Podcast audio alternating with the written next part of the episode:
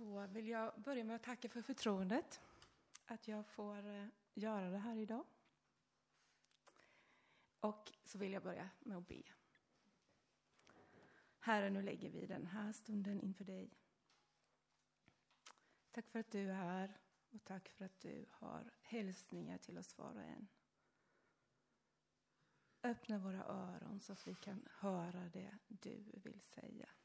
Och låt allt annat bara få falla i glömska. Det som inte är viktigt och som inte kommer från dig. I Jesu namn. Amen.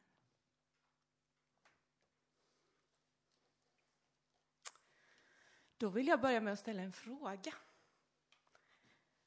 Har du någon gång varit med om att du har känt att tiden har stannat? Du har varit helt hundra procent närvarande i det som sker just precis där och då. Allt annat finns inte. Fullt fokus. Och du kan tänka att du vet egentligen inte hur lång tid det där pågick. Om det var tio minuter, om det var två timmar eller om det bara var några sekunder. Men det var så intensivt. Jag tror att det är i en sån upplevelse dagens text handlar, hamnar. Och jag kommer läsa den nu då. Ifrån Lukas kapitel 9. Ungefär en vecka senare tog han med sig Petrus och Johannes och Jakob och gick upp på berget för att be. Medan han bad förvandlades hans ansikte och hans kläder blev vita och lysande. Och två män samtalade med honom. Det var Mose och Elia som visade sig i härlighet och de talade om hans uttåg ur världen och, att han skulle och det han skulle fullborda i Jerusalem. Petrus och de andra hade fallit i djup sömn men vaknade och såg hans härlighet och de båda männen som stod tillsammans med honom. När dessa skulle lämna honom sa Petrus till Jesus Mästare, det är bra att vi är med. Låt oss göra tre hyddor, en för dig, en för Mose och en för Elia. Han visste inte vad han sa. Men medan han talade kom ett moln och sänkte sig över dem. Och när de försvann in i molnet blev lärjungarna förskräckta. En röst hördes ur molnet. Detta är min son, den utvalde. Lyssna till honom. Och när rösten ljöd stod Jesus där ensam. Lärjungarna teg om vad de hade sett och vid den tiden berättade de ingenting för någon.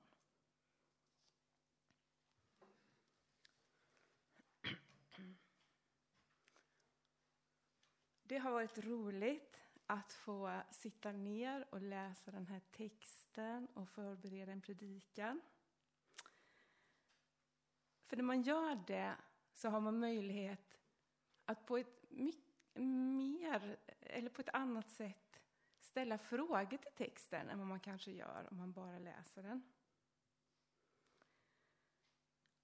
Och att försöka sätta in texten i ett sammanhang vad var det som hände före? Vad hände efter? Hur hänger det här ihop? Och då när man läser så börjar det ju så här att ungefär en vecka senare tog han med sig lärjungarna upp på berget. Och då är ju min fråga, senare än vad då? Vad var det som hade hänt där innan? När de, innan de gick upp. Och då har jag bläddrat tillbaka och läst och sett att tiden före den här händelsen verkar vara full av under och tecken. Jesus har botat sjuka, han har väckt upp döda, han har mättat tusentals människor med fem bröd och två fiskar. Han har sänt ut sina lärjungar och gett dem uppdrag att göra samma saker som han själv. De har fått makt och kraft att driva ut demoner och bota sjuka. Så det verkar ha varit väldigt mycket mycket aktivitet övernaturligt. Men det är inte det enda. Det har också varit motstånd. Herodes har låtit halshugga Johannes döparen. Jesus har första gången berättat för sina lärjungar att han kommer dö, men ska uppstå efter tre dagar. Han har berättat för lärjungarna att det kommer att kosta på för dem också om de vill följa honom. Och vid ett tillfälle strax innan den här händelsen på berget så frågar han eh, lärjungarna när de var själva. Vem säger människorna att jag är? Vad har de för bild av mig nu när allt det här har skett? Och då får han lite olika svar från sina lärjungar. Några säger att de tror att det är Johannes stöparen som har uppstått och kommit tillbaka. Och några säger att ja, men det är nog Elia som har kommit tillbaka. Och i det sammanhanget vänder han sig då till lärjungarna och frågar dem, och ni då? Vem säger ni att jag är? Och då har vi våran Petrus som träder till orda och säger Du är Messias, den som alla väntar på.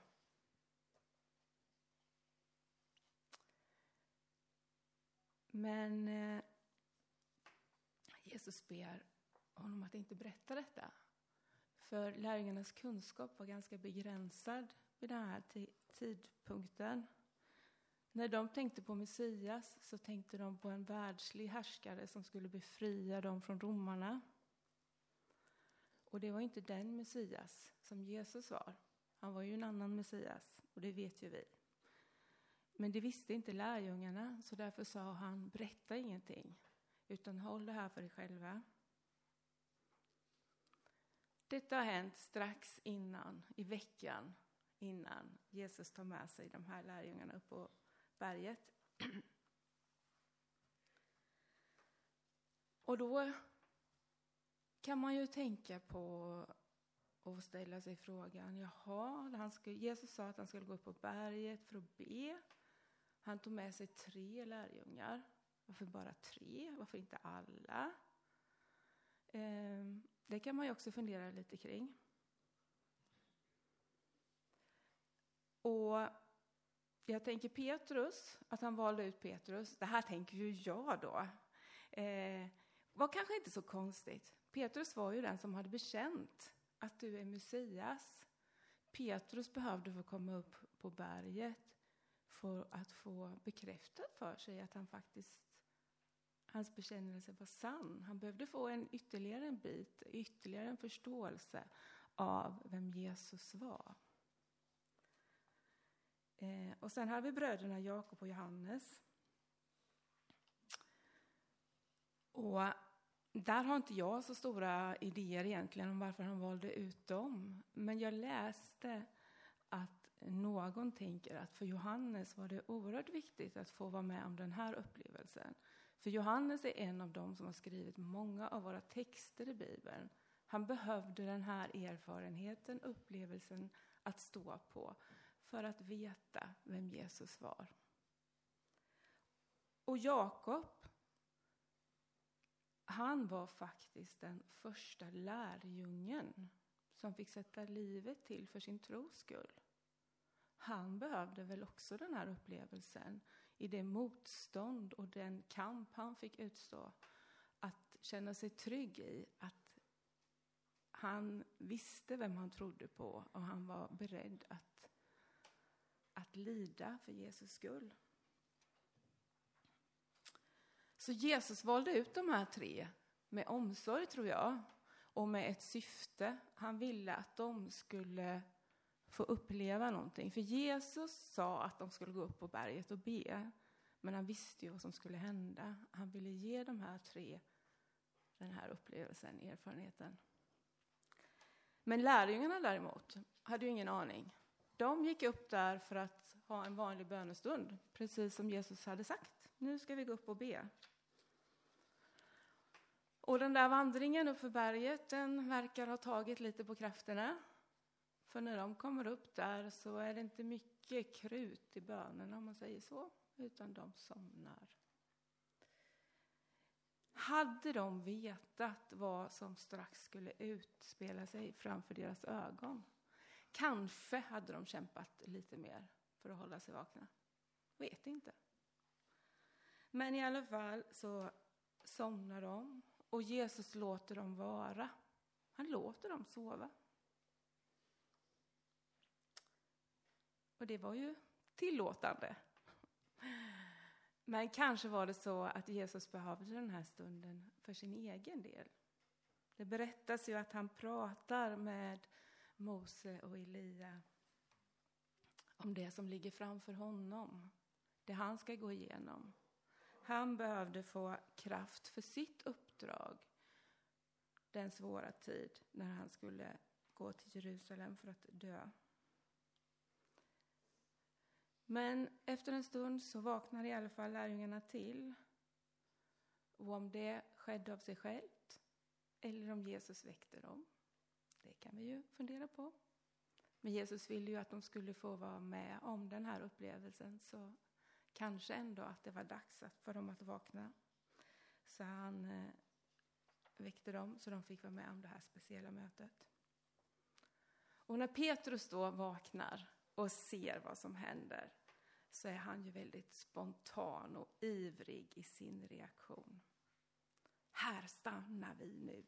Här är gott att vara. Jag fixar några hyddor så kan vi vara tillsammans här för alltid.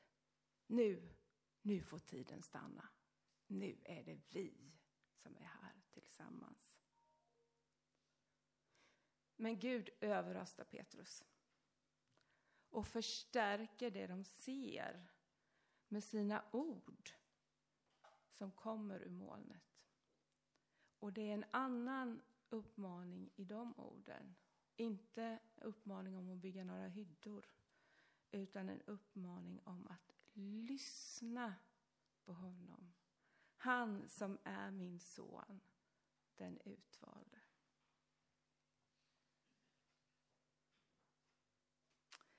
Var ett kort ögonblick, tror jag. Sen var allt som vanligt igen. Men just här tänker jag att upplevelsen var så intensiv. Det fanns inget annat som någon tänkte på. De var helt hundra procent där. Och jag kan tänka mig att de här sekunderna kändes som jättelånga när de tänkte tillbaka på dem. Att de hade varit där en lång stund. Jag tänker mig att det här faktiskt var en helig stund för dem. Som de valde att gömma i sina hjärtan och bära med sig. Det står att de berättade inte för någon vid den tiden om det här. Utan de gömde det, bar med det i sina hjärtan. För att de behövde den här erfarenheten i sina uppdrag som församlingsledare, Petrus, som skribent, Johannes och som martyr, Jakob.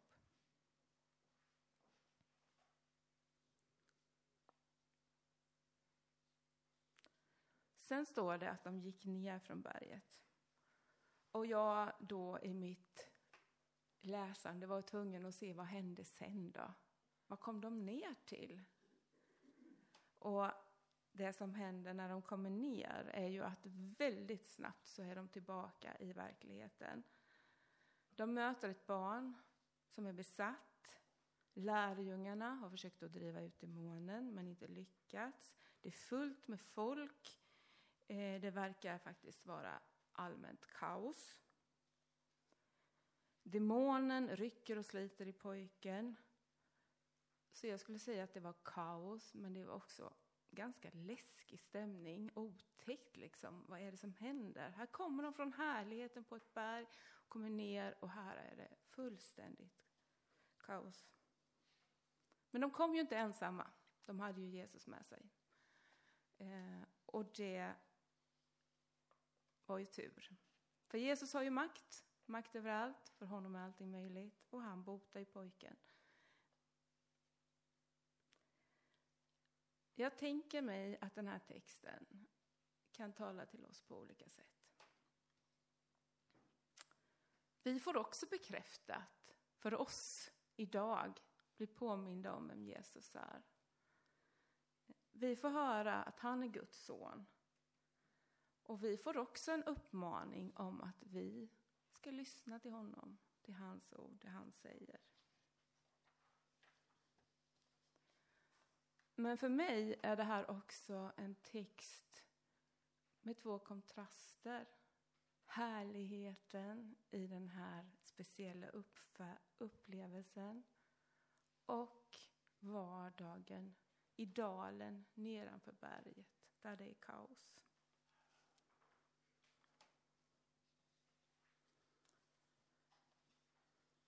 Jesus blev förhärligad, lärjungarna såg det, de bar med sig det. De fick se honom med nya ögon. Men härligheten bleknade ganska fort bort och verkligheten kom ifatt dem. Och det blev kaos. Men det spelade ingen roll. För erfarenheten, upplevelsen bar de med sig i sina hjärtan. Och det fanns inget kaos i världen som kunde ta ifrån dem den erfarenheten, den upplevelsen. Den fanns där. De hade lagt den där. Valt att begrunda den och bära den med sig.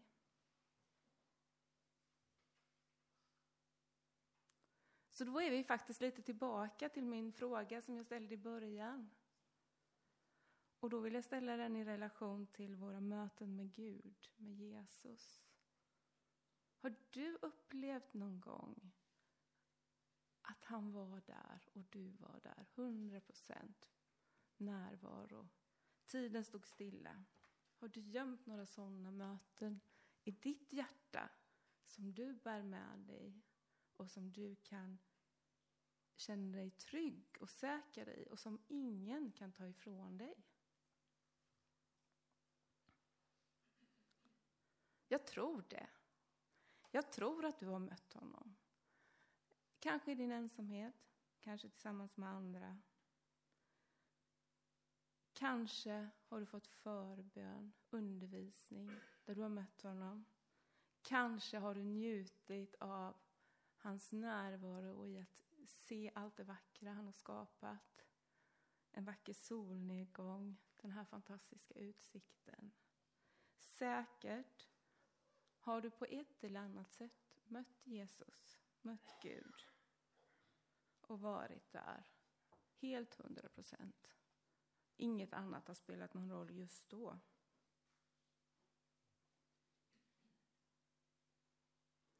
Petrus hade ju en önskan att dröja sig kvar där uppe på berget, bygga tre hyddor och stanna och fortsätta leva där i härligheten.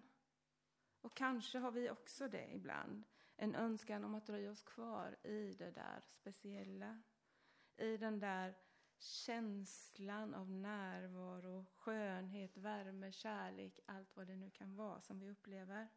För där är det lätt att tro. Där är det lätt att bekänna. Där är det lätt att lovsjunga och tillbedja och lätt att engagera sig och finnas till när allting stämmer. Men det räcker ju att titta på sammanhanget som texten finns i för att förstå att vi är inte kallade att leva bara på berget utan vi är kallade att finnas till för varandra och andra människor i dalen. Men vi behöver de där stunderna av härlighet för att rustas, för att bli stärkta i vår tro och vår tjänst. Det är viktigt, tror jag, att vi bär med oss dem och gömmer dem i våra hjärtan och begrundar dem och inte rusar vidare utan hämtar kraft ifrån det som är våra erfarenheter, våra möten. I vardagen i dalen är det inte så mycket förhärligande. Det är på berget. I vardagen och i dalen är det motsatsen som råder.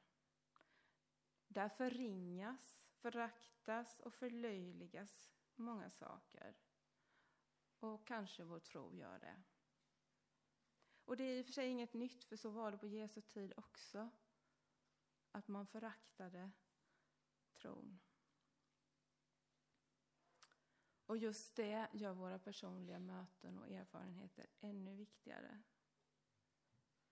Ingen kan ta ifrån oss det som är våra upplevelser.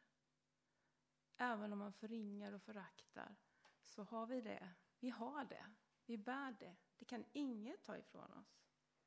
Inga ord.